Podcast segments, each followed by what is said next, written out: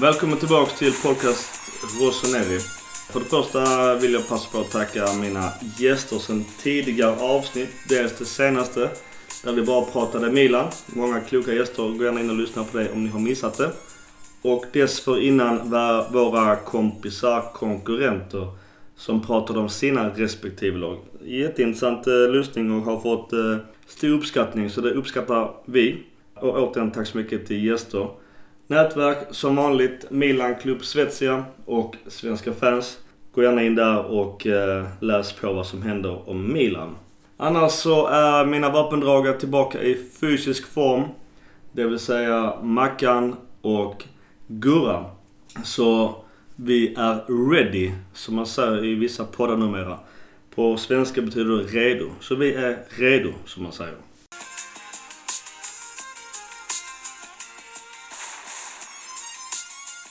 Marcus, välkommen. Tackar, tackar. Gurra, välkommen. Tackar. Har ni haft en bra sommar hittills? Jag tycker det. Ja, gick på semester i fredags. Så att, eh, trots det är det bra. Alltså planer? Nej, jag åker till mamma på eh, torsdag.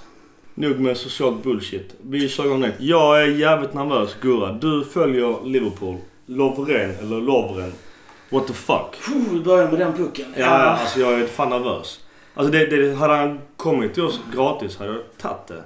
Men det snackas transfer på 15, 20, 25 miljoner euro. Alltså det är ju ett standardpris för den typen av försvarare, absolut. Lovren kan vara världsklass och Lovren kan vara serie B-klass. Har vi råd med det? Har Han vi inte redan en Musacho som är... Mycket högre nivå än Musacho när han är som bäst. Problemet han har är ju att han... Men det kan vara tempot i PL också. Han var ju... Eller det var bristen på kon, alltså konsistens. För att alltså, han har levererat bra men han hänger inte riktigt med. Jag säger det är en jättechansning att ta in honom. Det kan bli hur bra som helst och det kan bli Musat 22. Men är detta någonting eh, vår nya sportchef Sonny Boban har någonting att göra med? Han failade ju Modric som bara skrattar bort Milan, det kan jag förstå. Men är Lovren någonting som Boban har fått för sig? Lovren spelade ju trots allt VM-final förra sommaren så att någonting har han ju. Champions League-guld, även om han spelade så värst mycket i slutspelet. Och du, på tal om eh, backar. Hernandez. Theo Hernandez. Hernandez, ja. Vi har även Rodriguez som ryktas till Barcelona. Det är rätt så tunga namn. Ryktas back från Madrid och ryktas back Rodriguez till Barcelona. Alltså Hernandez är väl mer eller mindre klar. Han har ju väl... Medical idag. Medical dag två. Dag två till och med. Fan är det? Dag ett tror jag mest intervjuer. Pratar med läkare och sådär. Rodriguez har varit rätt för oss säsongen som var med tanke på hur svagt missfältet var. Hur, alltså hur bristen på spelsystem, de luckor som uppstod, bristen på hjälp. Men med en ordentlig coach, ordentligt spelsystem där och en mer central, central linje tror jag det kommer att bli nu. Backarna ska kunna jobba över större ytor. Visst, Rodriguez klarar det. Men Hernandez är ju, han är ju Porschen och Rodriguez är ju Volvon. Om man nu ser på Porsche, för alla vill att du kör en Porsche. Hernandez. Jag har inte så bra koll på La Liga. Han var utlånad till, vad var det, Sociedad. Hur bra har han varit där? Vissa säger att han är där shit, vissa säger att han är helt okej. Jag har inte sett ett skit av honom. Inte jag, inte jag heller. Det, Men det jag, lilla jag läste honom så verkar han ha bra förutsättningar men jag tycker inte han har bevisat så mycket. Om jag har förstått det rätt. För jag pratade med en madridare som sa att han är superbra. Men om han nu är superbra, varför ska då de, han dumpas? För att Marcelo har två, eller- två eller tre år till i sig. Han måste ha speltid nu. Det är helt rätt av Milan till honom. Däremot tyvärr som det antagligen ryktas om är att det finns en återköpsklausul. Till Madrid. De brukar väl ha det. Ja, och det, det kan jag förstå. Men får Milan in honom nu, då... eh, Ja, jag kan köpa att vi släpper Rodriguez i det läget. Kör det klart Gustav, men jag köper inte det. Nej, det är skönt att ha bägge två, absolut. Både eh, Hernandez och Rodriguez. Problemet är att det är två spelare som behöver spela. Och i det spelsystem som kommer så tror jag Hernandez är mer lämpad än vad Rodriguez är. Vi har ju faktiskt ett superlöfte i primaveran som jag tycker det är läge att lyfta upp och det är Felicioli. Ge killen backup-chansen. Nu får vi tänka på att nu kommer det vara 38 matcher plus kuppen. Det är inget annat. Att ha två spelare på position, det ska vi ha. Och i det läget skulle vi kunna sälja Laxalt också. Men jag känner bara att förhoppningsvis om ett år behöver vi två väldigt bra på varje position. För då ska vi förhoppningsvis spela Champions League igen. Och varför sälja en som faktiskt har varit, som du var mycket inne på Ja. förra säsongen, han har varit konstant bra. Mm. Dessutom tycker jag pengarna det pratas om är alldeles för lite.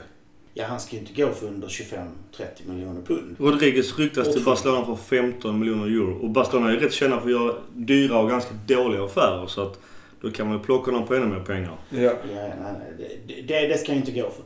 Varför de vill ha honom antagligen, det är för att kunna ha en, en defensiv vänsterback. För Alba är bara offensiv. Det är ju Nej. det är sämre variant av Marcelo. Men Rodriguez klarar ju av att vara offensiv i, i alla fall i andra lag. Landslaget Ja. är han betydligt mer offensiv än han har varit i Milan. Om inte första så är han ju i alla fall andra valet på straffläggningen. Eh, så som det har sett ut hittills. För Det kommer ju ändras under sommaren kanske. Men, och har varit säker i, i de straffar han har lagt för, för Schweiz. Han har Mm. nästan alltid varit första läggare i Schweiz. Men på tal om vänsterback. eh, Vi har ju även Strinic. Ja, men gör av med, med Laxalt och Strinic istället, tycker Ja. jag. Det borde kunna generera 15 millar i alla fall. Annars har de tappat värde väldigt... I alla fall, ja, Strinic kommer ju gratis så han vet inte vad Han har gör. ganska dyr lön också kan jag tycka. Plus, när vi pratar, innan vi slutar prata om Rodriguez. Om vi inte skaffar två mittbackar så har han faktiskt erfarenhet att klara av att spela mittback. Det har du absolut rätt i. Det, det köper jag fullt ut. Jag förutsätter att vi värvar två mittbackar. Jag har en känsla att vi kommer att värva en. Mm. Och så har vi Caldara skadad och vi vet aldrig när han är tillbaka i matchform. Möjligtvis kan han vara i matchform i januari. På tal om mittbackar måste jag ändå poängtera. Att göra sig av med Zapata som går som bossman. Han har inte ett jättehög lön. Han är inte heller jättegammal. Det är noll transfer i eh, summa. Och kan systemet, kan ligan, kan språket. Bara skeppa honom. Det är helt idiotiskt. Han vill ha två år. Vill han vilja ha ett år. Alltså helt ärligt. Ge snubben två år. Hade varit en given... eh, Backup. Ja, given backup. Jag ser ju hellre honom än Musacius. Ja, jag med. Och det har jag sagt hela säsongen. Så ska man göra sig av med honom. Det är väl bättre att sälja honom och tjäna på det i så fall. Ja. I det scenariot jag har tittat på när det gäller mittbackarna så, ska vi, så säljer vi Musachi och värvar två nya. Men ja, det är väl min tanke också. Och då är det bra att kunna ha kvar Rodriguez, precis som du är inne på. Problemet är väl då, ja fram till Caldara är frisk så har vi bara tre då oavsett. Ja. Värvar du nu så vill du kanske värva kvalitet. När Caldara är frisk så kanske han har mer kvalitet. Och då så står du kanske där med höga löner och vi vet ju att Financial Fair Play bankar på dörren. Det kommer vi ta upp lite senare men det, det är svårt att veta hur de tänker helt enkelt. Jag hade behållit Rodriguez för att han har klarat två positioner. Ja, jag, jag kan förstå att man uppgraderar backpositionen. Jag håller också med dig Mackan. Jag ser också Rodriguez kvar. Antingen som en backup på vänster eller backup på mitten. Men det är för mycket kvalitet för att bara kasta som är så pass allround i hög kvalitet och hög nivå. Skulle ska han säljas så ska det vara för 30-35 miljoner pund. Så man kan använda pengarna för att förstärka en annan position. Precis. Jag vill hoppa nu på tal om Strinch och eh, vår nya direktör. För yngre lyssnare som kanske inte har koll på Svomir Boban. Jag såg jag 1-0 live mot Lazio för många år sedan på San Siro. Men om du drar lite hans eh, troféer Mackan, bara så man förstår vilken nivå vi pratar om. Ni pratar också Kroatiens nummer 10 och spelfördelare. Ja, med Milan vann han ju... Fyra gånger vann han ligan. Han vann Champions League en gång. Han vann italienska supercupen två gånger. Han vann Uefa supercupen, den europeiska, en gång. U20 VM-mästare med Jugoslavien 1987 när det fortfarande hette Jugoslavien. Och han har varit direktör i, var det Uefa eller Fifa? Uefas eh, exekutiva kommitté. Alltså Deputy Secretary. Alltså en- en av dem i styrgruppen. Och spytt gallar och Milan. Med all rätt. Han har sagt obekväma sanningar. Ja, det kan man snyggt säga. Eh, En, en sak jag faktiskt ska nämna där. Han har faktiskt ett VM-brons också. Ja, just det. Ja, absolut. 98 i Frankrike. Mm. Fan vad de var bra då. Med Davor Sukur som vann eh, skytteligan. Precis. Ja, kinget lag. Eh, nej men annars, det är bara att googla upp Svomir Boban. Annars tusentals YouTube-klipp. Han har gjort sig känd för att våga säga de- de obekväma sanningarna och faktiskt vara enormt fotbollskunnig. Han är utbildad journalist. Han har läst en bit på juristutbildning. Han har jobbat som handläggare, administratör på någon myndighet också. Så han är ju en tjänsteman ut i fingerspetsarna och välutbildad. Riktigt välutbildad. Och sa ju själv att när Maldini ringer så lyssnar man. Så att Maldinis val, valet av att ha Maldini kan ju faktiskt vara bra. Kanske ge dig ett lite frukt. Ja. Du, på tal om Jugespåret. Jugoslavien. Du går över... Pratar vi Palmemordet? Usch, usch. Och så gav de det. Nej men vi har ju, vet inte, är det ens officiellt? Men Rade Krunic från eh, Bosnien. tror han kommer uh, publiceras nu, vilken dag som helst. Nu när den första Vi kan ju inte registrera spelare förrän igår egentligen. Nej. Skrivs de papperna på innan första juli, eller börjar gälla innan första juli, så är det förra Financial Fair Play-perioden. Precis. Så att uh, han de vill nog ha det i det här eh, på, på rätt sida så att säga. För det var ju snack om en eh, 8 miljoner euro eller någonting. För en mittfältare från Empoli. Superbra breddspelare. Alltså jag, jag, jag gillar värvningen. Han är tänkt att vara tre eller fyra på de två centrala. Om man kör, två, om man kör, om man kör man tre centrala mittfältare så är han ja, fyra, femma kanske. Det som är anmärkningsvärt på sociala medier är att han har ju mer poäng i årets liga än vad SMS har. Vilket många gör sig lite lustiga på för han kostade Milan 8 miljoner euro när det väl blev officiellt och SMS ryktas ju till alla storklubbar från 80-90 miljoner euro. Det är rätt så intressant att de jämför honom med två spelare som har varit utlånade till Milan innan. Van Ginkel och Pasalic. Han- jämförs med de två spelarna. Van Gijk hade fan helt glömt bort. Han var rätt bra. Var han inte det? Han var Det var Pasalic valpig. Han var rätt valpig. Ja. Pasalic var ju bra på riktigt tyckte jag. Men... Backup-spelare som kan gå in och leverera. Precis. Jag tror inte att det här är Mr X på något sätt. Det, Ah, det lär det tror inte vara. Det är väl, det är väl bredden, kanske en Montolivio backup. Precis. Ska vi bara glida in på, på tal om Montolivo, vilka spelare som har lämnat nu som Bosman som vi kan... Vi tjänar ju nästan vad, 250 miljoner kronor brutto på deras kontrakt. Vad sa du? Vi var Tjänar man det? Eller Ja, på att Nej, man- man, tjänar, man tjänar inte. Nej, fel ord kanske. Utgifterna minskar. Ja. Alltså, Mindre budget än så länge i alla fall. de som bara rakt av har lämnat. Abate, Zapata, Montolivio, Mauri. Mauri och ja, där har vi en, Bertolacci. en Bertolacci. och så Bertolacci på det. Men där har vi alltså 1,2 miljoner pund i månaden som har lämnat i rena lönekostnader. Det är rätt mycket på ett år. Den kommer gå ut igen till nya spelare. Och förmodligen kanske högre. Speciellt om de kör på Torreira som de har pratat om eller andra spelare så är det ju, de kommer tjäna minst lika mycket.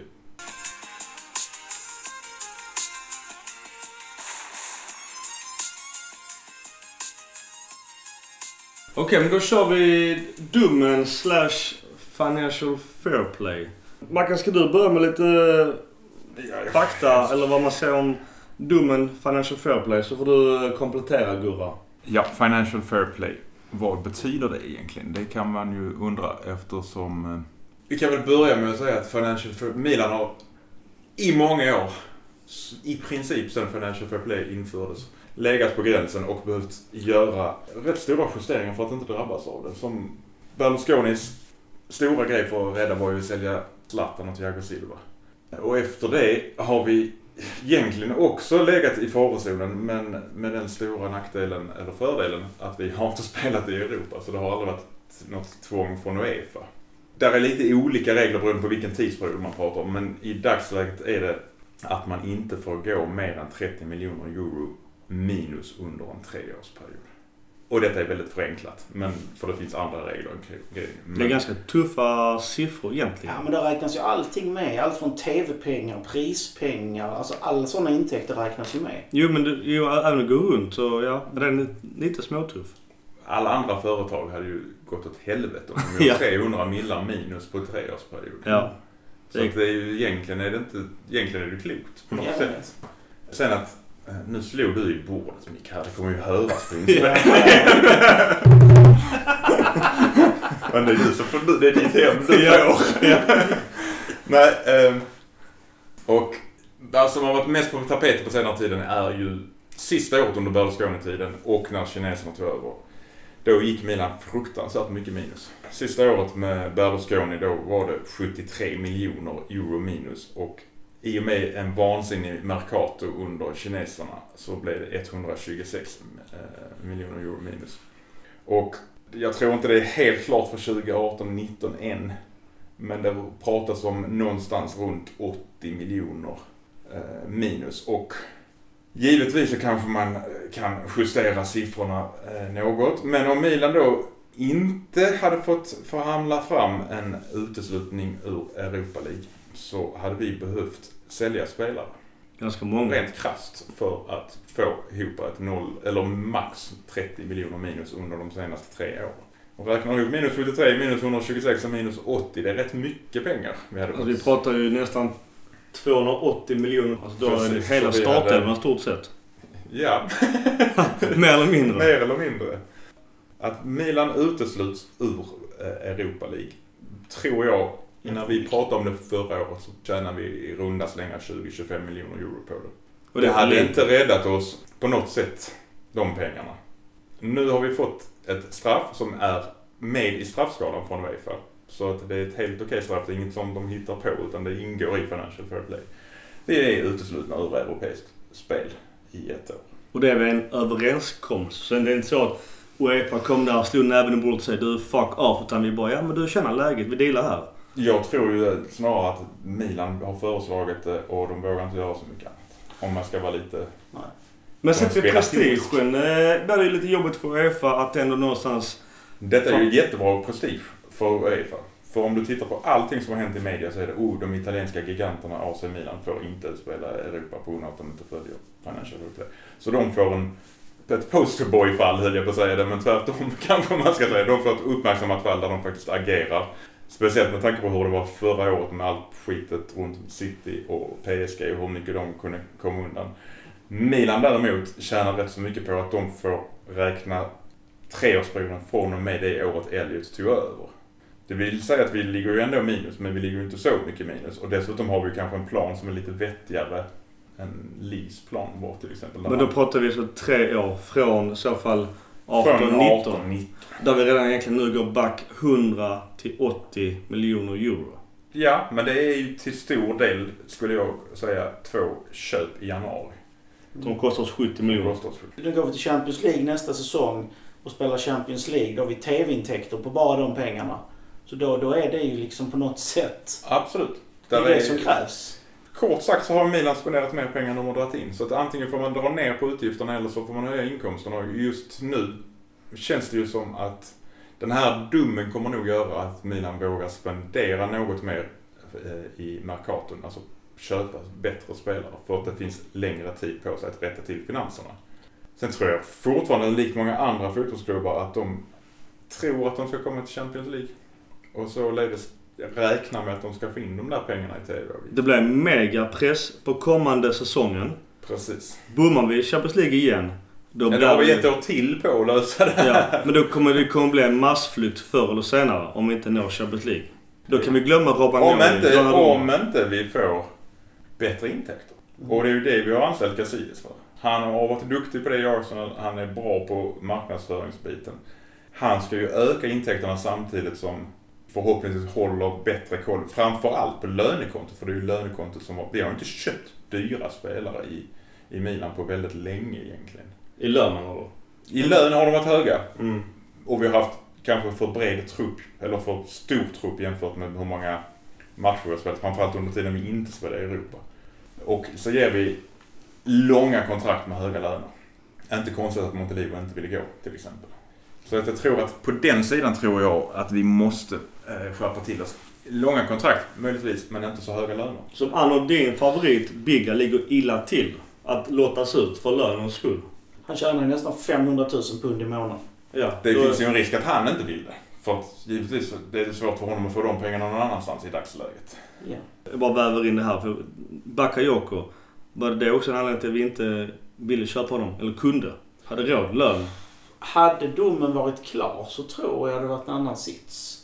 För mig känns det så också. För För 35 miljoner pund och matcha hans lön i Chelsea på 520 000 pund i månaden. Hälften av de spelar vars kontrakt gick ut nu bara. Så det hade inte varit något konstigt tror jag. Gurra, vad har du att säga om Financial Fair Play och domen här nu Uefa gav oss? Det är ju en jätteskön dom att få. Den ger ju oss helt plötsligt eh, manöverutrymme på marknaden. Nu kan vi handla. Vi behöver inte vända på varenda eh, slant fem gånger. Eh, Vi har möjlighet att göra saker. Så att jag tycker att den är jättepositiv nu när man fick reda på vad det faktiskt innebar. Sen så, saker som många kommer ihåg. Många säger men City och Chelsea och de här handlar jättemycket. Ja, men det är helt andra pengar i den ligan. TV-pengen går inte att jämföra. Jag kan ha en jämförelse. Eh, City tjänade Så tror jag 200, jag fick in 280 miljoner pund i TV-pengar säsongen som var. Prispengar på cirka 140 miljoner pund. Ja, det går inte att jämföra de pengarna från Sky. Så det är inte så konstigt att de kan spendera heller. Plus, sen får man lägga till alla matchintäkter. alla matchintäkter, sponsorintäkter, pang, pang, pang, pang, Nej, pang, pang, absolut. Absolut. Så det, det, det är inte konstigt att de engelska klubbarna kan handla som, som vi inte är i närheten av i Milan. Ja, men det är som sagt, den ligan är ju dopad för Sky dopar ju mer eller mindre hela fotbollsvärlden. Egentligen är det inte Sky som gör det utan det är ju det att vi är dumma nog till att titta på det och köpa det. Ja. Alltså om man nu på Ja. något sätt. De, har- de har varit bäst på att marknadsföra, marknadsföra sin liga. I alla år egentligen. Om man tänker efter. Ja, för historiskt sett så var ju det, det är inte jätte, jättelänge sedan Serie A var överlägsna. Men vet, gamla trötta arenor, dålig TV-produktion, planer etc. Premier League är ju ljusår före där. Därav också intresset. Spelare går dit. Tränare går dit. Jag tror England har varit äh, reserv-VM-plats de senaste tre VM är det väl. De levererar direkt. För, de för, måste. för de vet att det behöver inte fixas någonting. Det är bara liksom flyga dit lagen och ska man spela fotbolls-VM. Du, men du Mackan, om vi bara tar en 10-årsperiod bara så vi får perspektiv på Milans ekonomi och balance sheet. Vad, om vi börjar 09-10, vad ser du där? Minus 9,8 miljoner euro. 2010-2011 minus nästan 70 miljoner euro. 2011-2012 minus 67,3 miljoner euro. Och sen såldes det av lite där. Och då helt plötsligt hamnade vi på minus 6,9 istället. 2013-14 minus 15,7. Spenderade inte särskilt mycket. Var med i Champions League det året. Sen kommer det. Mm. 2014-15 och det, att vi går minus så mycket där beror på att vi inte spelar i Europa. Ja, fortsätt. Där gör vi 91,3 miljoner euro eh, minus. Året därefter, 2015-2016, 89,3 miljoner. 2016-2017, 73,1 och då 2017-18, 126 minus. Det är alltså nästan 550 miljoner äh, euro minus på 10 år. Och det är ju katastrof. Alltså det är också där Berlusconi har pumpat in pengar. Då måste man också förstå hans hjärta någonstans. Även han var businessman och hade många dåliga agendor. Men jag menar, det, de här siffrorna är ju katastrof. Såklart. Eh, Det kan man inte blunda för. Egen stadion, fulla intäkter hade ju vänt på många av de här siffrorna. Det ska vi ju lägga till här nu när vi pratar om Financial Fair Play. En egen stadion, om man bygger det så, så kommer det inte drabba Milans Ekonomi. balansräkning. Utan det hamnar som ett eget företag. Du kommer inte, det kommer inte blandas där på det sättet. Jag tror till och med det ger mer manöverutrymme utrymme med räntor och Jag sånt. tror det också. Och plus att förmodligen kommer du sälja, om nu Milan skulle få, i alla fall om Milan skulle göra det själv, kommer de ju sälja in arenan till ett stort bolag som kommer att vara en huvudsponsor och då kommer du förmodligen tjäna ännu mer pengar på det. Mm. För då har du en, en sponsor till. Men ska vi glida, är vi klara med Financial Fair Play? Något mer att säga om den? Nej, utan det, det blev bra till slut men det borde kommit tidigare. Många vill gärna håna oss som håller på Milan. Men det är ingen av oss som bölar över dum. Tvärtom. Det är en schysst dom. Vi har gjort bort oss under de senaste tio åren minst. Så att det är bara att ta smällen och gå vidare. Det är nog den bästa domen de kunde få för det skulle kunna hamna på andra värre grejer.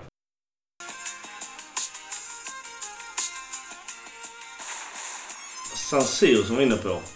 Spontant Mackan, eh, ska den rivas ja eller nej? den är Ska den rivas eller? Det är... Okej, vi gör så. Känslan menar du? Ja, vi gör så här, vi gör så här.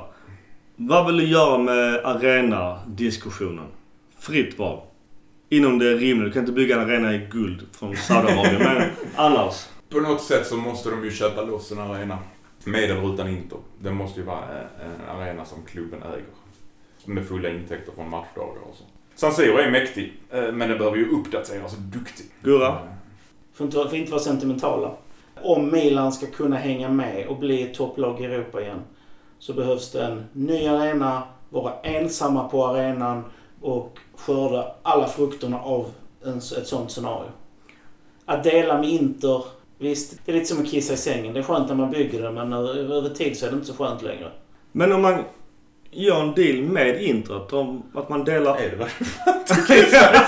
Det var varmt och gott i början och sen blir det jobbigt liksom. Jag tänkte också, hur, vänta, hur, hur får du in det? Har ni inte hört det uttrycket? Ja, men det, det, det, det, är när det är kallt Det är ute. kallt ute kanske. Ja, det, det är varmt i början och så. Ja. Skitsamma. Vi, Fair enough, fair vi väl med. Ja, vi förstår. Men i alla fall, jag, jag tänker bara så här. Nu äger ju stadion, staden Milano arenan, vilket är jättekonstigt, alltid gjort. Återigen är det snack om att eh, både Milan och Inter vill antingen bygga något nytt gemensamt eller varsin. Jag vet inte hur det ska gå ihop men, och, när det händer. För nu är det även OS. Eh, skönt att Sverige slapp det, för det har vi inte haft råd med ändå. Men det kan också påverka eventuellt arenabygge och arena eventuell rivning. Ja, Men, det är vinter men vad fan ska de ha då? Ja, det är väl invigningen. Och så kanske, fan vet jag. Kanske lägger någon eh, ismatta där och kör Kör hockey. hockey. jag vet inte riktigt. Men det är ju snack om att så bygga en... Det varit schysst att ha en hockeyarena som tar 80 000. Mäktigt alltså. Men uh, bygga en arena... I Italien! Ja, jag hade inte bangat för att se en match där, men eh, jag, jag ser inte hur tanken är. Men På de trånga plaststolarna. ja, det var tajt. Kör bara ståplats. OS ska inte påverka mer än att det kanske blir lättare att få bygglov och rivnings... Eftersom allting redan finns på plats. Jag måste ändå säga, jag tycker inte... Nu visst, nu har jag en förkärlek och det nostalgiska. Men jag tycker inte San Siro är så jävla risigt som många vill ha det till. Alltså jag kör på det. Små trötta plaststolar, men fuck det, jag kan leva med det. Alltså det går ju att uppdatera till en schysst peng. Det är ju inte gratis att bygga nytt. Nej, men det är Ett, ett alternativ kan vara att slänga ut Inter där, köpa den själv och göra en total upprustning. Det kan vara ett alternativ. Det hade jag gärna tagit. Eh, Att Inter kan bygga sitt nytt eget skit. En nackdel har ju San Siro också. Att en match, eh, hemmamatch mitt i veckan mot eh, Bologna kanske drar 30 000. Då är det ganska öde där. Ja, men man stänger en tredje ring på de matcherna. Mm. För det har de gjort i vissa matcher. Ja, men man får ju ha... För man måste ju ha bättre tryck. Och Milan har redan haft ett bra snitt i fjolårssäsongen. Jag tror Milan blir tvåa efter Inter i publikligan på någonstans Vi hade aldrig 50. kunnat ha det snittet vi har nu om vi hade haft Juventus Arena. För vi har Nej. högre snitt än vad de tar, har Ja. kapacitet för. Ja. Och, och å andra sidan tjänar de ändå mer per match. Precis. Och där är ju något som är fel i ekvationen. Det är jättefel. Men det är ju för att de äger hela Ja, arenan. alltså arenan måste ju bli någon form av eh, event. Alltså det, det måste hända grejer. Du ska ha hotell, du ska ha grejer. Och nu, San Siro är en stadion där det är knappt en kiosk höll jag på att säga. Eh, det är det. Nej, det är, ju- Men- nej, men det är ju knappt en kiosk. Ja. Alltså, jag har ju varit där på, på rundvandring och då var det en trött jävla kiosk som var öppen. Och det var sämre än min tröttaste netto här i Lund. När jag var där sist, förlåt Gustav nu avbryter jag. Men när jag var där sist så frågade jag hälften av grejerna på menyn var dessutom slut i den där kiosken. De har där. Ja. Det handlar om det. Vill man tjäna pengar, då ska, då, då ska du äga allt. Då ska du driva det från grunden. Och det är ju det är ju nackdelen med den här gamla här kolossen. Den är mäktig, den är fin, den är, har traditionen. Men vill du göra den här upplevelsegrejen, bygg nytt, gör det rätt från början. Titta på hur de byggt i England, Tyskland, eh, till viss del även Spanien där de faktiskt har upprustat. Det är som ni säger, det är evenemangscenter, det är hotell, det är konferenscenter. Det är nästan shopping, eh, ett Alltså, shoppingstråk där. Mm. Shoppingmall, alltså gallerior. Det är liksom, det är inte bara, Nej, alltså, det är inte bara arenan utan det är upplevelsen. San Siro går säkerligen att fixa till så att den blir bra för publiken under match. Men det är ju inkomst och intäktsmässigt för Milan man ska tänka då. är Det ju viktigare att bygga nytt på det sättet. Bara se när Percy Nilsson, när de byggde Malmö Arena med allt runt där. Hur mycket tjänar inte det bolaget som han hade, PNB Bygg där? Allting runt där. Mm. Alltså man behöver göra någonting nytt och jag vet också att det var någon kalkyl någon, något år att det skulle kosta en jävla mycket att renovera. Att det var mer för, alltså lönsamt att till och med hela bygga nytt. Men då vill ju staden Milano att Milan och Inter ska betala eh, rivningen. Vad fan är deras bygge? Ska den rivas får ni fan riva skiten själva. Så då säger man till staden, vi, vi tar rivningen om vi får tomten. Var ska vi spela så länge? Det är ju det som var tanken från början, att de skulle kunna bygga arenan och samtidigt spela på den gamla. Mm. Och de har väl kontrakt ett antal år till. Jag tror det är tre, fyra år till. Har man tid att bygga. Alltså man ska nu säga det är ju jävla stor mark där borta. Alltså bakom arenan vid tunnelbanan är det bara en jävla massa ödemark där det står bussar och parkeringar. Så det finns ju plats. Det finns plats. Och de har tunnelbanor. Den enda nackdelen är att man kommer ju fan inte därifrån på eftermiddagen. Det är ju ett jävla minus kan jag Får tycka. promenera lite. Jo, det har man gjort några gånger. Men det, det är ju stor... Jag, jag kan fortfarande tycka att... Jag vet inte vad... Nu är jag ingen jävla byggherre eller ekonom. Men jag kan tycka att det måste finnas rätt eh, goda möjligheter att även kunna bygga om San Siro på något sätt. Det här med loger. gör någonting med tredje ring kanske. Eller runt omkring, alltså mellan tornen och läktaren är det gigantiska öppningar att bygga affärer, restauranger etc. etc. Kostar mer än det smakar för då ska allting dras på nytt. Allting, hela byggprocessen. Jag tror faktiskt det blir dyrare att rusta upp den än att bygga nytt. Av att bygga en ny arena, x antal miljoner, vad nu var, kommer inte ihåg vad det var. Men att renovera San Siro, hur vad nu det innebär med renovering, var två tredjedelar av summan att bygga en helt ny. Så jag förstår ju tanken att, att bygga helt nytt istället. För det går inte ihop egentligen bygga något helt nytt och fräscht som är toppmodernt, eh, energisnålt etc. etc. Allt det innebär då med, med Greta och allt sånt piss idag. Än att då bygga om eh, San Siro. Så jag förstår den diskussionen. Bryta banden med Inter och ha en egen arena, det är det optimala. Agree. Som Gurra är inne på, svälja sentam, eh, sentimentaliteten, sentimentaliteten och se till den finansiella verkligheten. Om man nu ser disk- diskussioner och rykten så verkar det vara väldigt få diskussioner om att man ska bygga två olika arenor. Det skrämmer mig lite. Om man nu ska bygga ett nytt, då får man fan ha var sin arena. Det tror jag Gazidi kommer att propsa på. Han har ju sett fördelen det gav Arsenal när arenan blev färdigbyggd. Något mer om San Siro? Jag hoppas de tar rätt beslut. Men problemet är att det är ingenting som kommer hända imorgon om man säger så. Så drygt så här i efterhand att vi slängde ut 100 miljoner på ett projekt som aldrig gick någonstans eh, under Barbara. Ja. Vilket är? Hon hade ju en arena och allting var klart. Man fick till och med se bilder på Milans hemsida om hur, hur arkitekturen såg ut. Det var ganska häftigt faktiskt. Nybyggd eller? Ja, sen så blev det bråk om vem som skulle förbereda marken tror jag. Men då finns ju grunden egentligen. Då kan man bara ta vid. Ja, men detta var på ett ny, nytt ställe. Det var inte, detta var inte på San Siro-området. Ja. Ja, det var väl vid Det var väl- Casa Milan tror jag. Var det Ja, det? det var nog det. Precis där Och jag kan inte heller se hur fan det ska få plats en arena vid Casa Milan. Det har... Jo, på andra sidan vägen där fanns det. Var det det? Ja, det finns ytor där tror jag. Om inte jag minns kartan fel. Ja, vi får väl se. Men eh, det känner, jag är mest rädd för att eh, det, det tar för lång tid. Och innan dess har Sakao Elliot kränkt Milan. Skulle de investera i en arena för 200-300 miljoner pund kanske? Helt nybyggd. Ja, Då måste de stanna. Då stannar de och gör en femdubbel vinst på en tioårsperiod istället.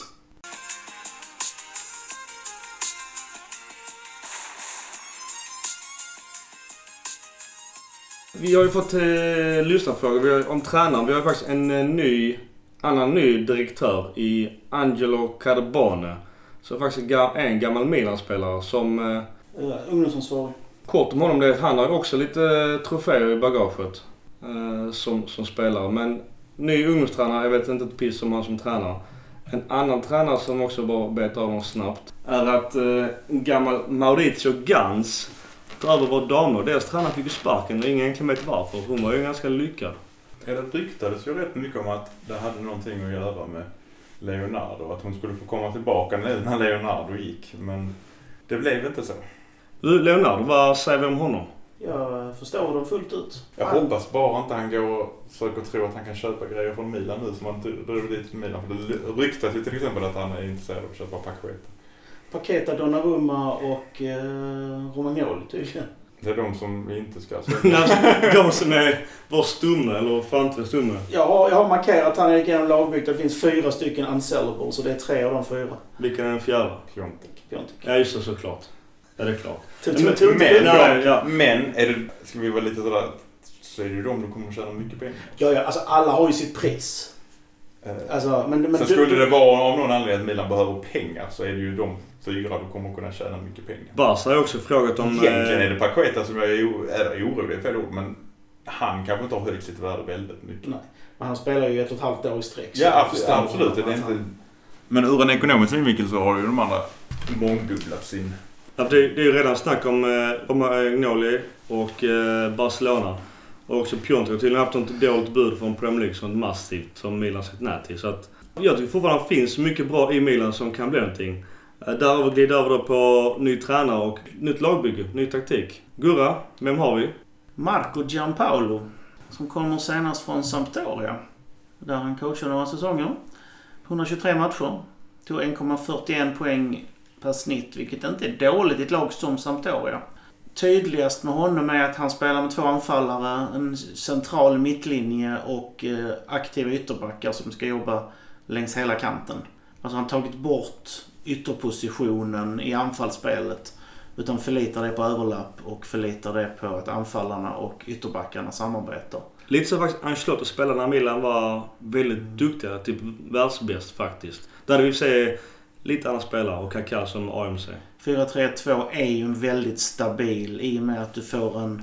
Tittar du hur, när det är mittfältspel så är du sex mittfältare eftersom du har ytterbackarna också.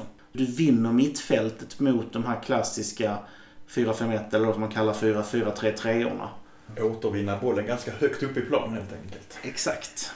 Det är inte defensivt utan egentligen oftast är det wingbacks som man har i de där, eller fullbacks som ligger steget ovanför.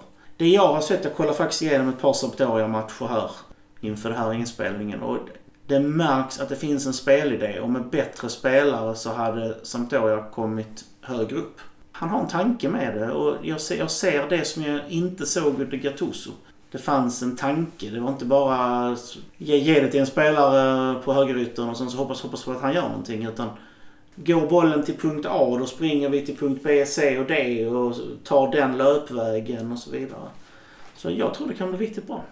Det ska ju sägas att i alla fall vad Galliani har sagt, vår gamla sköna slipsgubbe, att han ville ju ha Gianpaolo redan när kineserna ville ha Montella.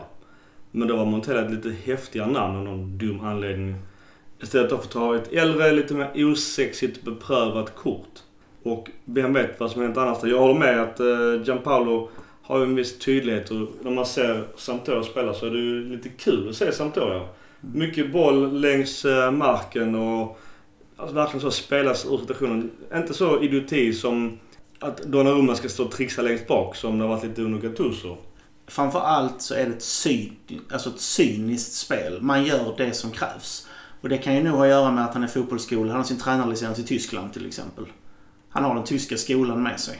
Eh, Mackan spontant om alltså, Gianpaolo. Vi har ju efterlyst en erfaren tränare och inte bara gamla legendarer som var bra som spelare men inte hade bevisat särskilt mycket som tränare. Så här har vi i alla fall någon som har varit tränare eh, en längre tid. Eh, om man tittar på den senaste sessionen i Sampdoria så hade han ju tyvärr, vilket jag är orolig för, då, sjok av säsongen där de bara förlorar.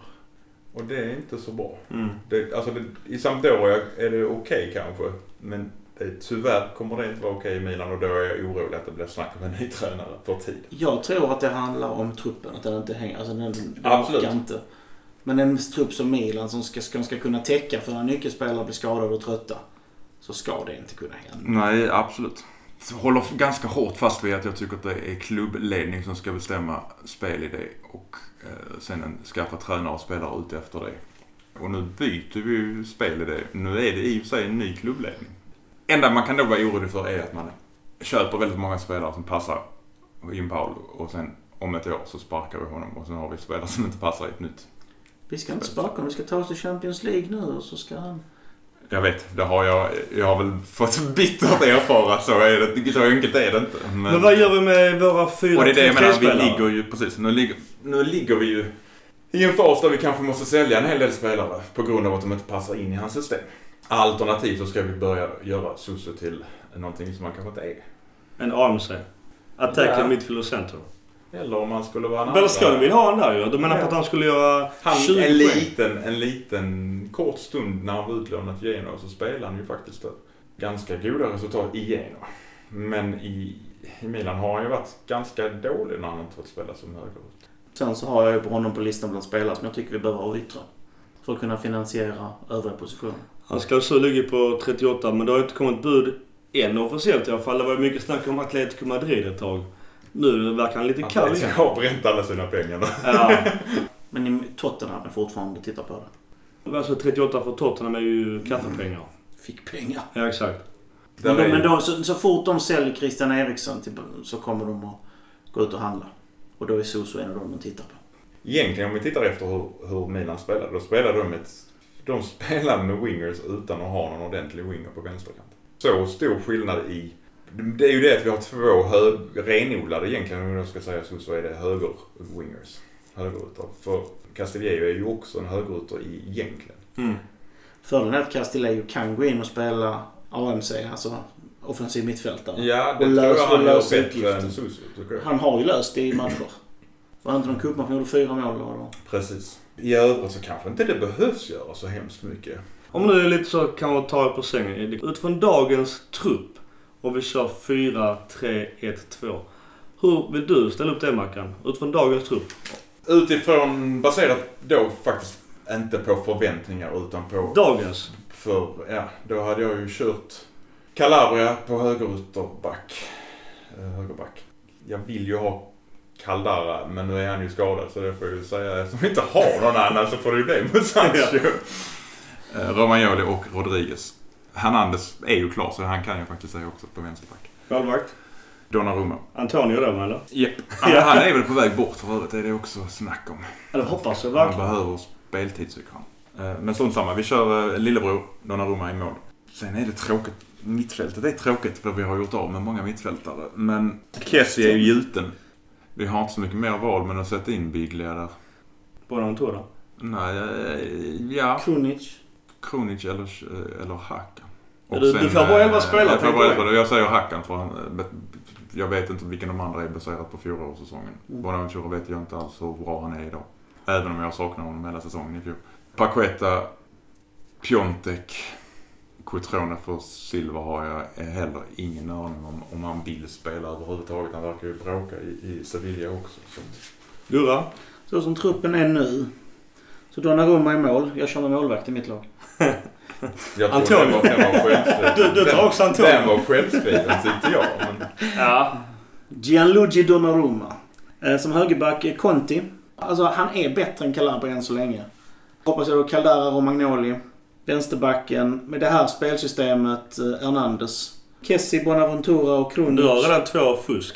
Hernandez är inte klar officiellt. Mm. Och Caldara är långtidsskadad. Så de får du ju bara... Du får peta dem direkt. Alternativet är Musacho, det är inget alternativ. Nej, då, då får du... ta någon- Ja, Ja. Då får du ta någon Primavera eller byta den här Kessie. kört Rodriguez, där. Ja, Rodriguez i så fall. Hellre Rodriguez än Musacho. eh, Och Strinic på vänsterkanten då. Var Hernandez inte klar? Felicioli. Är han uppflyttad? Ja. Är han, han, Alltså, han, eh, han kommer tillbaka från lån nu så att... eh, Mittfält? Ja, Kessi, Bonaventura och Krunic. Och som uh, anf- central... är Anf- man Kronic var han klar? Ja, ja Gurra. Det är mycket fusk. Okej, då sätter vi Paketa där då. Och så sätter vi Castilleus där uppe. Och i anfallet uh, Piontek och Silva. Ja, jag säger också lillebror Donnarumma. Jag säger Calabria. Ja, ja, alltså hemskt är det men jag håller med. Jag får ju säga Musacho. Det är... Vi har ju bara två renodlade Ja. mittbackar i dagsläget. Ah, Jag, jag får inte byta in mig själv som mittback, annars hade jag gjort det. Romagnoli såklart. Rodriguez. Kessi. Bonaventura. Hakan. Paqueta.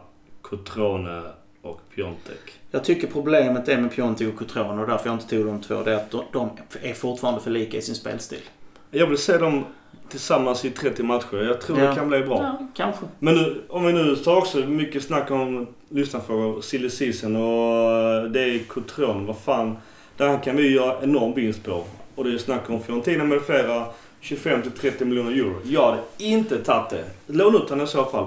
Jag läste idag att tydligen har fått besked nu att han, han är inte på transferlistan.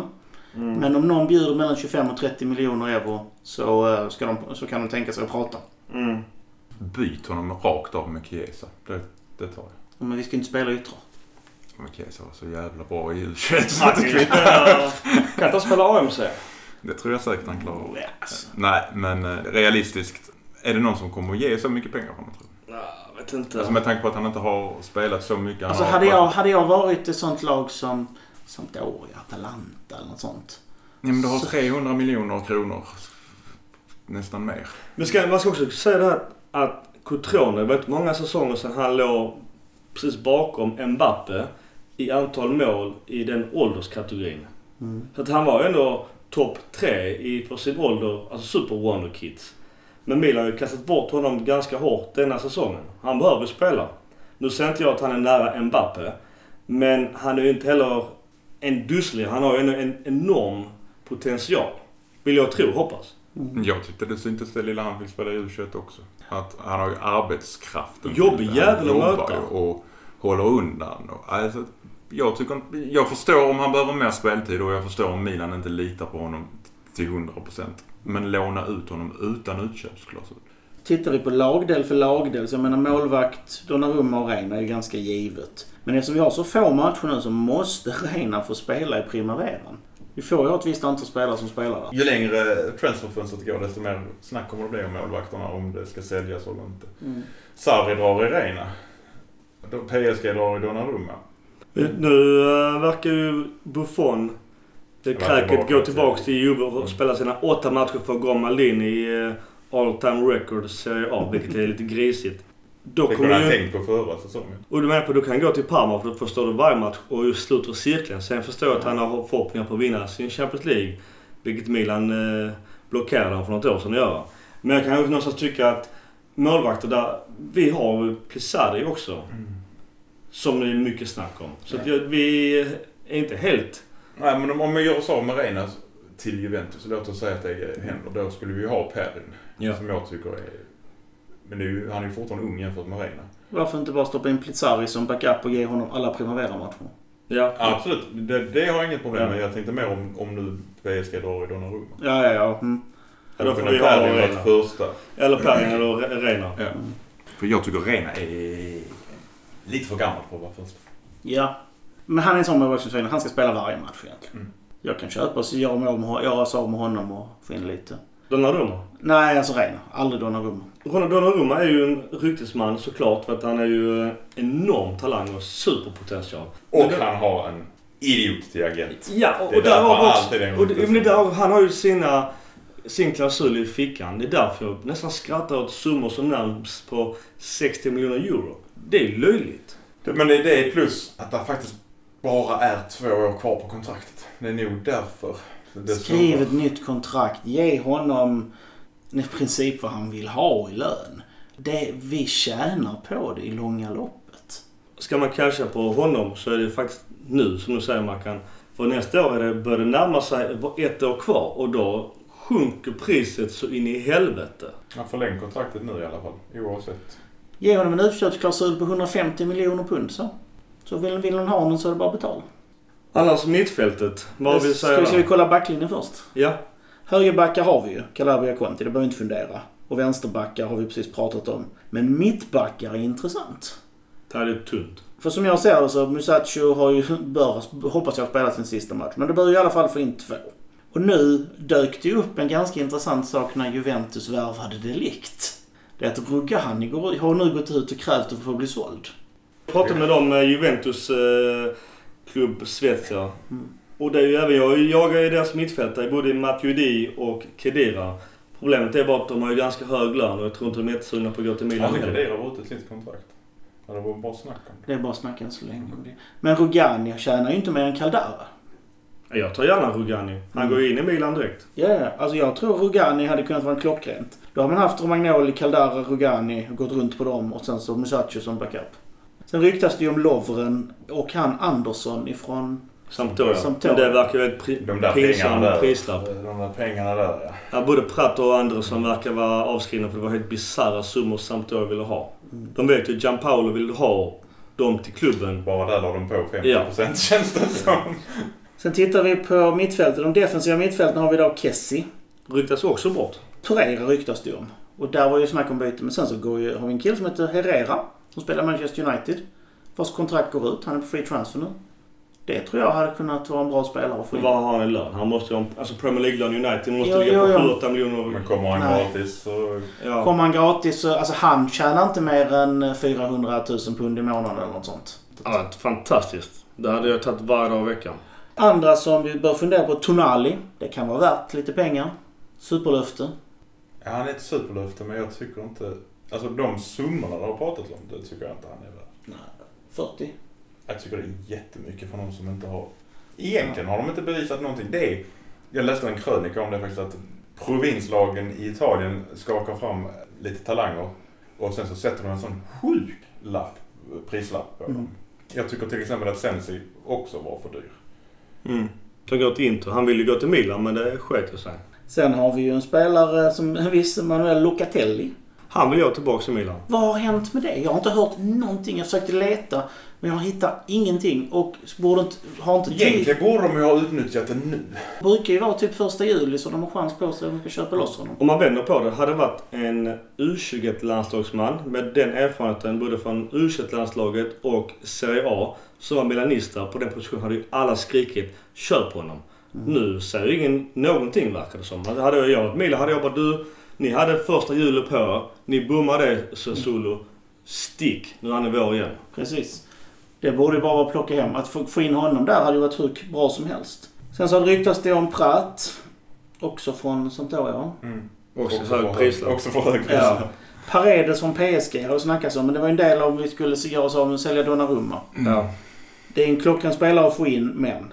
Ceballos från Real Madrid har det varit mycket, mycket rykten om. Han är inte en del av Zidans planer. Det snackas om att Hernandez-affären var en nyckel för att få Real till att tycka det var en bra idé. Om Minatou och Hernandez kunde de få låna eh, Ceballos för 5 till 8 miljoner euro med en utköpsklausul på mellan 32 och 35. Mm. Och en återköpsklausul för Reals del. Ja, den skulle ligga på 60 eller 70 tror jag. Något sånt. Nu har jag inte följt honom jättenoggrant heller. Mer än i u nu i somras. Och Mm, det var en fantastisk- fantastiskt ja. duktig u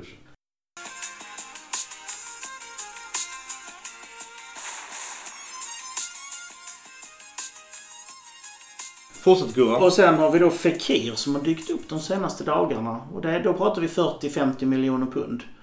Och få in Fekir på en AMC-position hade ju... Wow.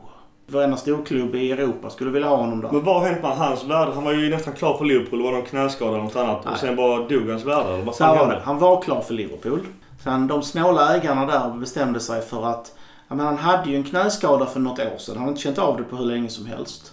Vi, vi, på grund av den här knäskadan så vi vill fortfarande ha honom men vi vill sänka det överenskomna priset med 10 miljoner pund. Varpå Lyon gav stora fingret och tog honom och åkte hem igen. Helt rätt. Ja, ja. Det är skandalöst. Man får inte uppträda på det viset. Överenskommet pris är överenskommet pris. Han hade till och med spelat i en eh, prestationsvideo för Liverpool. Hur bra som helst hela säsongen. Var han ett år kvar på sitt kontrakt och därav har priset också sjunkit. Fan, Pellegrini från då. Men han verkar också vara på Han väg. verkar ju vara på väg att röra sig. Kan det vara något? Jag tror Juve skulle ta hans klausul. Roma verkar ju ha lagt beslag på Barella. Det verkar ju så ja. Jag snuvar inte på honom. Mm, snuvar oss också på honom. Ja, Men jag tror inte vi hade, vi har inte haft de pengarna för att köpa honom för det. Kessi, Bonaventura och Krunic. Av mittfältarna. Av backarna ska vi ju sälja Musacho och Strinic. Mittfältarna Biglia, Hakan, Susu. Och anfallarna på någon ska vi göra oss av med Borini. Vi har ju i nuläget tre offensiva mittfältare i truppen och det är Paketa, Castillejo och Daniel Maldini som är uppflyttad. Ja, just det. Det blir spännande. Mm. Jag tycker vi ska köpa Weas på bara för att kunna ha Maldini och Wea en gång till samtidigt. Det hade varit mäktigt. Det hade varit skitcoolt. Ja. Och så anfallare har vi Piontek, Cotrone, Silva. Och där behövs det i alla fall en till. Och det, det ryktas ju, det finns två intressanta rykten. Det ena är han Kramaric. Mm. Hoffenheim. Mm. Han har ju alltså gjort, på 130 matcher har han gjort 58 mål och 26 assist. Det är svinbra. Och han kan vi få för 25-30 miljoner pund där någonstans. Men då går Cotrone kan jag nästan Ja. Ja. Sen finns det en annan intressant spelare som är en kille med Milan. Det är Cagliarella ju. Som har sagt att han skulle vilja spela i Milan. Han är för gammal för uh, Gazidis, tror jag inte. Jo, men på vi kan få honom för. Vi kan nog nästa i princip få honom gratis, ha honom som backup. Det tror jag hade varit jättebra. För- Man behöver rutin. Det har vi väl. Han vann ju ändå skytteligan ska sägas, vilket ändå tyder på väldigt bra målsinne. Mm. Men det viktigaste är att få in två mittbackar. Nu håller på att förhandla om lån och utköpsklausul om ett par år. Ni kommer ihåg vad vi pratade om Financial Fair Play? Mm. Och hur långt det sträcker sig. Ja. Går det två, över två år nu från domen så behöver vi betala. Då kan vi skjuta Financial Fair Play en Exakt. gång till. Mm. Det är är så taktiken är. Ja. Macke, har du någon tanke på vad du hade velat eh, få in i ryktesväg? Allt som sägs och diskuteras. Samtidigt som det är otroligt intressant så är det otroligt drygt med rykten fram och tillbaka hit och dit. Och man får väl inte glömma att det just är rykten innan det faktiskt är officiellt. Vi behöver ju mittfältare. Det tycker jag är prio ett. Jag tycker att vi har eh, anfallare i truppen som bör kunna göra jobbet. Och mittback. Men jag, jag tycker det är ganska svårt att se vem som klarar av att ta ansvaret i ett lag som Milan utan att det blir för tungt? Alltså hade jag varit den snåle sportchefen nu, jag vet inte hur Maldini har för taktik eller ledningen. Men jag har också tagit någon av de här Herrera. Båda två är ju enorm kvalitet som går rätt in i Milan. Men annars om man får se det utifrån budget och realistiskt sätt så Rugani, absolut. Han kan ligan, språket och taktiken. Han är bra nog för Milan utan diskussion att han är bättre än Musacho. För han kommer inte vara för dyr heller. Nej, och sen så, vem vet? André Silva, vem fan vet? Han kanske blommar. Jag trodde att han skulle bli the shit. Han blev inte. Men man vet inte. Med två anfallare. Han har ju faktiskt inte spelat i Milan med två anfallare. Med Ramsey bakom sig. Jag tror att han och Piontek skulle kunna komplettera varandra väldigt bra. Och sen också någonstans det här med eh, Paketa. Alltså han kanske får en superutveckling detta året. Startman. Bonaventura tillbaka. Vem vet hur han är över 38 matcher. Han var ju ändå Milans bästa spelare året dessförinnan. Han var borta nästan hela året. Så Han gjorde fan av de snyggaste målen också. Ja, det var ju Mot Napoli. Det, Jag vill ändå inte hävda på att vi behöver panikvärva. Alltså, vi har ju fortfarande spelare. Jag vill gärna se tillbaka Locatelli också i truppen. Men med rätt taktik och eh, instruktioner så tror jag fan att det kan bli bra. Sen kanske vi behöver panikvärva likt vi gjorde nu i januari istället. Köpa två killar för 40 miljoner. Alltså det behövs ju de här spelarna. En eller två mittfältare, en eller en till två backar. Alltså, och du, alltså som du är inne på Gustav så är det ju lite dödkött som måste trimmas bort. Även av de som har kontrakt. Ja. Då har vi bara sett på mittbackar. För det finns ju ändå på marknaden en del okej. Han gamla Subotic som var inne var i Dortmund. Han är ju på Bosman. Det hade... Ja, alltså han... Vermaelen är ju inte heller fysisk. men Han är ju inte skadad. Men alltså, sen i Milan mot, tyvärr idag, så är väl han också ganska bra till det ju. Gary Cahill. Ja, men alltså... Subotic och Vermaelen går ju före Cahill alla dagar i veckan. Ashley Williams har varit riktigt bra i Premier League. Dock är han inte så snabb men placeringssäker. Vi kan ju säga att vi faktiskt har sålt. Vi har sålt två spelare. Vilket tänker Gustavo Gomes är såld Ja. Efter utlåning. Och Simic. Ja, till Hajduk till Split. Hajduk Split. Jag tror att det blir klart. Jag vet inte om det blir några pengar på det.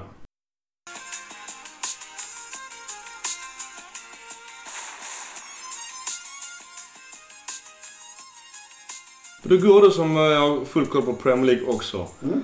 Det är jävla massa snack om eh, Gianpaulos gamla favorit i Torreira som då är den här eh, Pirlo-variant ryktesspelaren som vi behöver. Är han det? Och är han värd de här pengarna diskuteras? Har vi ens råd att ta dem sett till Premier League-löner? Han är en biglia som är bra. Han vill ha de ytorna.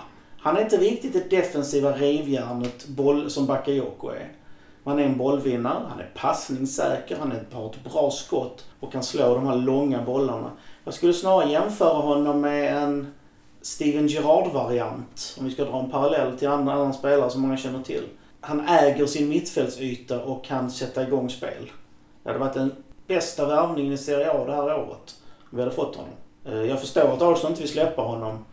eh, Men vi bör ju verkligen anstränga oss för att få honom om vi har möjligheten till det. Det verkar som att han vill. Enligt alla rykten. Flickvän från Genoa tydligen. Eh, han var väl bättre i Serie A än han var i Premier League. Och förmodligen är han då bättre om han kommer tillbaka också. Men sen är det ett annat lag. Milan-tröjan väger tyngre än andra tröjor helt enkelt. Pratar vi pengar, ekonomi, så är 400 eller 40 miljoner euro är det ungefär va? Vi Mm. pratar om. Det är ju inte konstigt för den typen av spelare i dagsläget. Men varför skulle Arsenal släppa honom för det när de köpte honom för den summan? Det är om han inte vill vara kvar. De, de vill ju ha Kessie, de vill ha den defensiva rivjärnsspelaren. Och det, det bytet, även om vi hade saknat Kessie, så hade vi bytt upp oss enormt på den positionen. Kessie gör ju succé också i afrikanska mästerskapen. Det är kanske inte en annan nivå på det. Men vi behöver fortfarande ha det rivjärnet och bollvinnaren. Visst, återigen Lucatelli. Kan det vara i så fall ersättaren? Jag tycker inte Kessie och Locatelli gör eh, samma jobb. Nej, Locatelli är ju mer spelfördelare. Ja, Locatelli är ju mer Torreira. Ja, tänker jag. Locatelli, Torreira och eh, Herrera på mittfältet. Eller Bonaventura. Det är intressant det är att veta hur bra är Bonaventura. Sen vet man inte heller. Biglia var ju mycket skadad i fjol, sa han själv. Småskadad. Visst, han är gammal och har en hög lön, men han kanske kan bli da shit eh, likt i Lazio om han får vara skadefri. Jag hoppas vi gör så. För dåliga prestationer sett till lön och definitivt sett till transfersumman för det var ingen billig transfersumma. Det var väl 22,5 eh, miljoner euro om jag inte minns fel. Det får vi aldrig igen.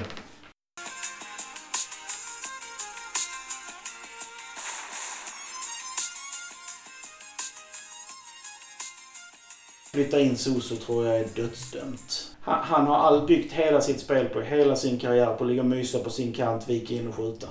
Det är det han kan. Att sätta in honom centralt med allt vad det innebär, nej. Vi har paket där. Vi har, till och med Hakan tror jag är bättre där. Nu när, nu när han faktiskt började jobba andra halvan av säsongen. Jag tror Hakan kan faktiskt få en bra säsong med extremt tydligt och Gianpaolo sätter han kanske som en av de här tre mittfältarna på mitten. Att inte han får yra runt på en jävligt taskig alltså ytter forwards roll. Sen är det det att alla, alla pratar om Soso. Han gör så många poäng och så vidare. Ja, Soso har gjort väldigt mycket poäng och han ska ha all heder för det. Problemet är att han gjorde ju det under fyra månader av en eh, nio månaders säsong. Det funkar inte att ha en spelare som är superbra fyra månader och går på halvfart i fem. Tyvärr. Alltså inte, om du ska slå som titlar. Ja, Det är för lång dipp och det är också så. Där var Gattuso också ganska dålig. Att inte han sa Suset där håller inte. Du får börja på bänken. Mm. Det är, I ett annat lag så kan inte han få den dippen. För att det finns en konkurrens att man måste hålla sig på topp. Jag tror inte Gianpaolo har samma tålamod med underpresterade spelare. Men det här är nackdelen. Det här ser man ofta hos många tränare som är gamla spelare. Att de vet själva hur surt det var att man blev petad för att man hade lite dipp och att man hellre ville spela matcher för att komma igång igen. Men de som verkligen är tränare ute i fingerspetsarna, bara tränare. De tänker inte så utan de tänker laget, vad som är bäst för laget. Vi har faktiskt match redan den 24 juli. I Kansas City borta mot FC Bayern. Har vi några förhoppningar på eh, den här så kallade turneringen då? Men vad ger, vad, någon, har någon koll på det? Ger oss ekonomiskt? Tydligen mer än att vara med i Europa League. För Galliani hoppades ju att vi inte skulle Ja, ta precis. eh, kvalplatsen för att det skulle förstöra vår ICC-medverkan. Alltså, jag, jag är satt i träningsmatch. De, de ska spelas av. Jag, jag, jag kan inte lägga någon energi på det. Jag hoppas att det blir några nya fans. Vi har ju FC Bayern och vi har Benfica och vi har Manchester United. Från den 24 juli. Och sen möter vi då Benfica den 28 och sen har vi United den 3 augusti. Spelarna borta... Cardiff spelar vi tydligen mot eh, Manchester. Så det är Det är ju nästan, normal tid i alla fall. det är nästan hemmaplan. 18.30. 11 till 68 pund. Jag tittar på dem enbart för att se hur nyförvärven. Ja, med. Men minns du den sommaren eh, vi, vi snackade Gurra, eller Mackan, där Milan eh, med Montella slog Bayern med 4 eller 5-1. Man Det tänkte så shit, det Det kommer då- skitbra. ja. Så jag, vet du vad? Jag hoppas att Milan förlorar alla sina träningsmatcher. För förlorar vi dem brukar det, eller vinner vi dem brukar det gå dåligt i ligan. Ja. Sen har jag faktiskt gjort så lite inför vi skulle spela in. Och jag har tittat igenom på 6, 7, 8 matcher från säsongen som var. Framförallt de där vi har varit mest kritiska. Ha- Hade vi fel? Mm, Nej. vi hade rätt. Nu med nya ögon och det jag vet nu och nya tankar och så. Så, så gör jag fortfarande samma bedömningar. Vi har haft bra koll känner jag.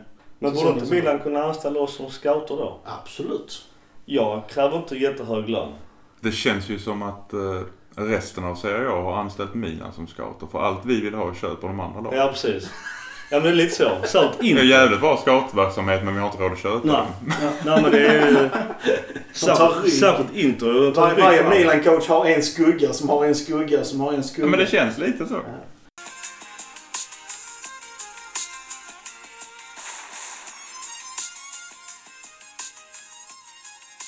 Okej, men ska, du- ska du börja då Gurra? Dina var väl tre, tre, tre shit eller tre hit först?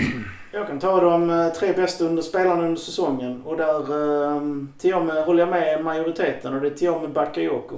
Tycker han eh, levererade. Och jag förstår inte hur... Jag lyssnade på intervjuerna och där vissa säger att han var dålig hela hösten. Nej, han var dålig de första tre, fyra, fem matcherna. När han spelade på fel position. Men så fort han kom in och började spela på rätt position så har han varit vår bästa spelare sett över hela säsongen.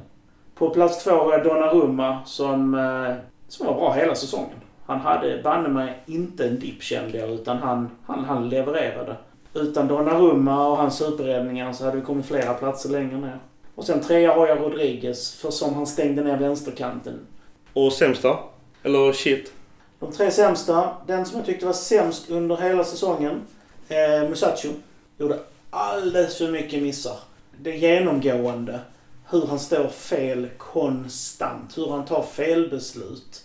Eh, jag tycker inte han håller på den här nivån. Och det är så enkelt. Det är det jag är rädd för om vi skulle ta in Lovren. Att vi bara får en ny Musacho rakt av. Tvåan har jag Hakan och det är, hur, det är helt och hållet baserat på hur Hakan spelade fram till där februari-mars. Han var riktigt, riktigt dålig. Han gjorde banne med inte ett rätt under den perioden förutom i en Euroleague-match. Alibi-tacklingar, han gjorde inte jobbet. Sen spelar han upp sig på slutet och då har han också fått rättmätigt beröm här. Och den tredje är Biglia. Alltså hur man kan vilja ta sånt ansvar på planen och bossa runt sina lagkamrater när man inte hänger med och när man inte själv löser sin uppgift. Och förutom den snygga frispark så är hans insats den här säsongen ingenting. Han har inte gjort något avtryck. Det enda positiva, eh, om man nu säger det är jättesynd att han blev skadad, men hans skada tvingade fram att Bakayoko fick spela i rätt position. Och det var nog det bästa som hände den här säsongen, att Bakayoko fick börja spela rätt. Någonting du vill komplettera med? Det kan jag göra. Jag kan hitta på lite annat bara för att Ja, precis. samma. Men eh, för mig är, också eh, Donnarumma nummer ett. Måste jag säga. Eller du hade ju faktiskt Bakayoko som nummer ett. Men jag tror Mm. Donnarumma som nummer ett. För att utan honom hade vi förlorat ett mycket mer matcher. Och detta baserar jag på att vi faktiskt släppte in rätt så lite mål. Så defensiven plus Donnarumma har ju ändå varit okej. Mm. De förödande misstagen gjorde Musashi som kommer på shitlistan för mig också. Men Donnarumma. Sen får jag säga att jag är oerhört nöjd med Romagnoli. Lite hetlevrad och snackar till sig lite för mycket varningar. Men han räddar oss två matcher, räddar han tre poäng. Den ena är ett helt fantastiskt mål. Udinese är borta Ja, när, han, när det bollas rätt mycket in i straffområdet innan han till slut får dit ett bra skott. Och jag tycker att där är också, eh, som vi pratade om innan, unsellable. Det går inte att sälja honom eh, i dagsläget. Sen får jag väl säga något helt annat. Jag vill säga Bakayoko egentligen, men jag säger att jag tror och hoppas på Paqueta. Att det blir en hit. Eh, Det känns som att han har mer talang än Suso och Hakan tillsammans. Shitlist. Shitlist. Musacho har tagit. Eh, Kan Musacho ligger, han ligger faktiskt inte först. Jag tycker faktiskt att sett till mina förväntningar så är Higuain den största shiten. Jag trodde han skulle göra jättemånga mål. Men jag baserade på hans beteende på plan också. Som jag tyckte drog ner resten av laget. Om man då jämför med, med Piontek som inte beter sig på det sättet till exempel. Som inte heller fick den servicen som han borde ha. Och så har vi Musacho och sen min favorit shit Biglia. För stor grej vi kan säga med Biglia där, vi märkte ju sån oerhörd skillnad på försvarsspelet när Bakayoko spelade och Biglia spelade. Oh ja. Helt plö- hela den ytan som städades runt som gjorde att backar och målvakt fick mycket enklare resa. Det var helt bortblåst. När Biglia spelade. Men Biglia skickar ju upp Kessie i fel yta också. Och, så jag det är som du säger, han kommer in och dominerar på plan fast han vet inte riktigt vad han gör. Nej. Eh, Och Gattuso låter honom hållas. Eller lät honom hållas. Ja. Nej, det, Och det glider över på min shitlist och där har jag faktiskt med, det var legend Gennaro Gattuso. Jag tycker eh, över 38 matcher han får nu att det visar att han har inte den kompetensen för att bära den kostymen. Och det är hemskt att, att se. Biglia, ganska odiskuterat eh, varför inte han levererar. Sen kanske det är på grund av småskador, jag vet inte.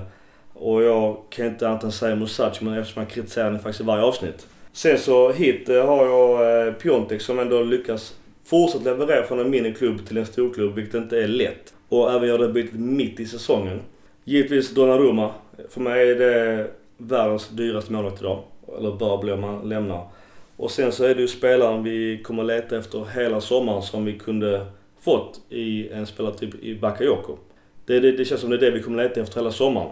Och det var det vi hade kunde fått till en rimlig peng med en lön som vi hade hanterat. Så att eh, det är väl de tre. Sen så hoppas jag också som vi var inne på att Paketa tar extrema utvecklingssteg. Och jag tror att han kan göra det, även faktiskt Hakan, i ett rätt eh, taktiskt system. Jag har ju en shitlist-bubbla och det är faktiskt Leonardo. Att eh, det inte hände någonting på just tränarfronten. Att det här, man såg ganska tidigt vart det barkade av. Och det, men det hände ingenting. Utan det, det bara fortsatte malas på shitlist-bubblar åt den är hela ledningen. För de gav ju Gattuso någonstans vid jul, det var tre på pappret lättare lag vi mötte. Att här ska ha nio poäng och vi tog fyra tror jag. Mm. Och då bommar vi fem poäng. Det hade varit Champions League idag. Nu säger inte jag att en annan tränare hade tagit dem, men du kan inte gå ut och skälla som en liten hund och sen backa helt. Det, då, då gör man ju dömer bort sig. Men Vi har alla förutsättningar nu och gör bara ledningen rätt kan det här bli ett jätteroligt transferfönster. Det är det vi får hoppas på. Alla förutsättningar finns nu med fair play-domen. Så att ja, bollen ligger hos Maldini och Boban och gänget nu. Utan Det får bli slutordet och eh, just att avsluta med någonting eh, positivt att ta med sig in i det här transferfönstret. Forza Milan. Vad som är Forza Milan!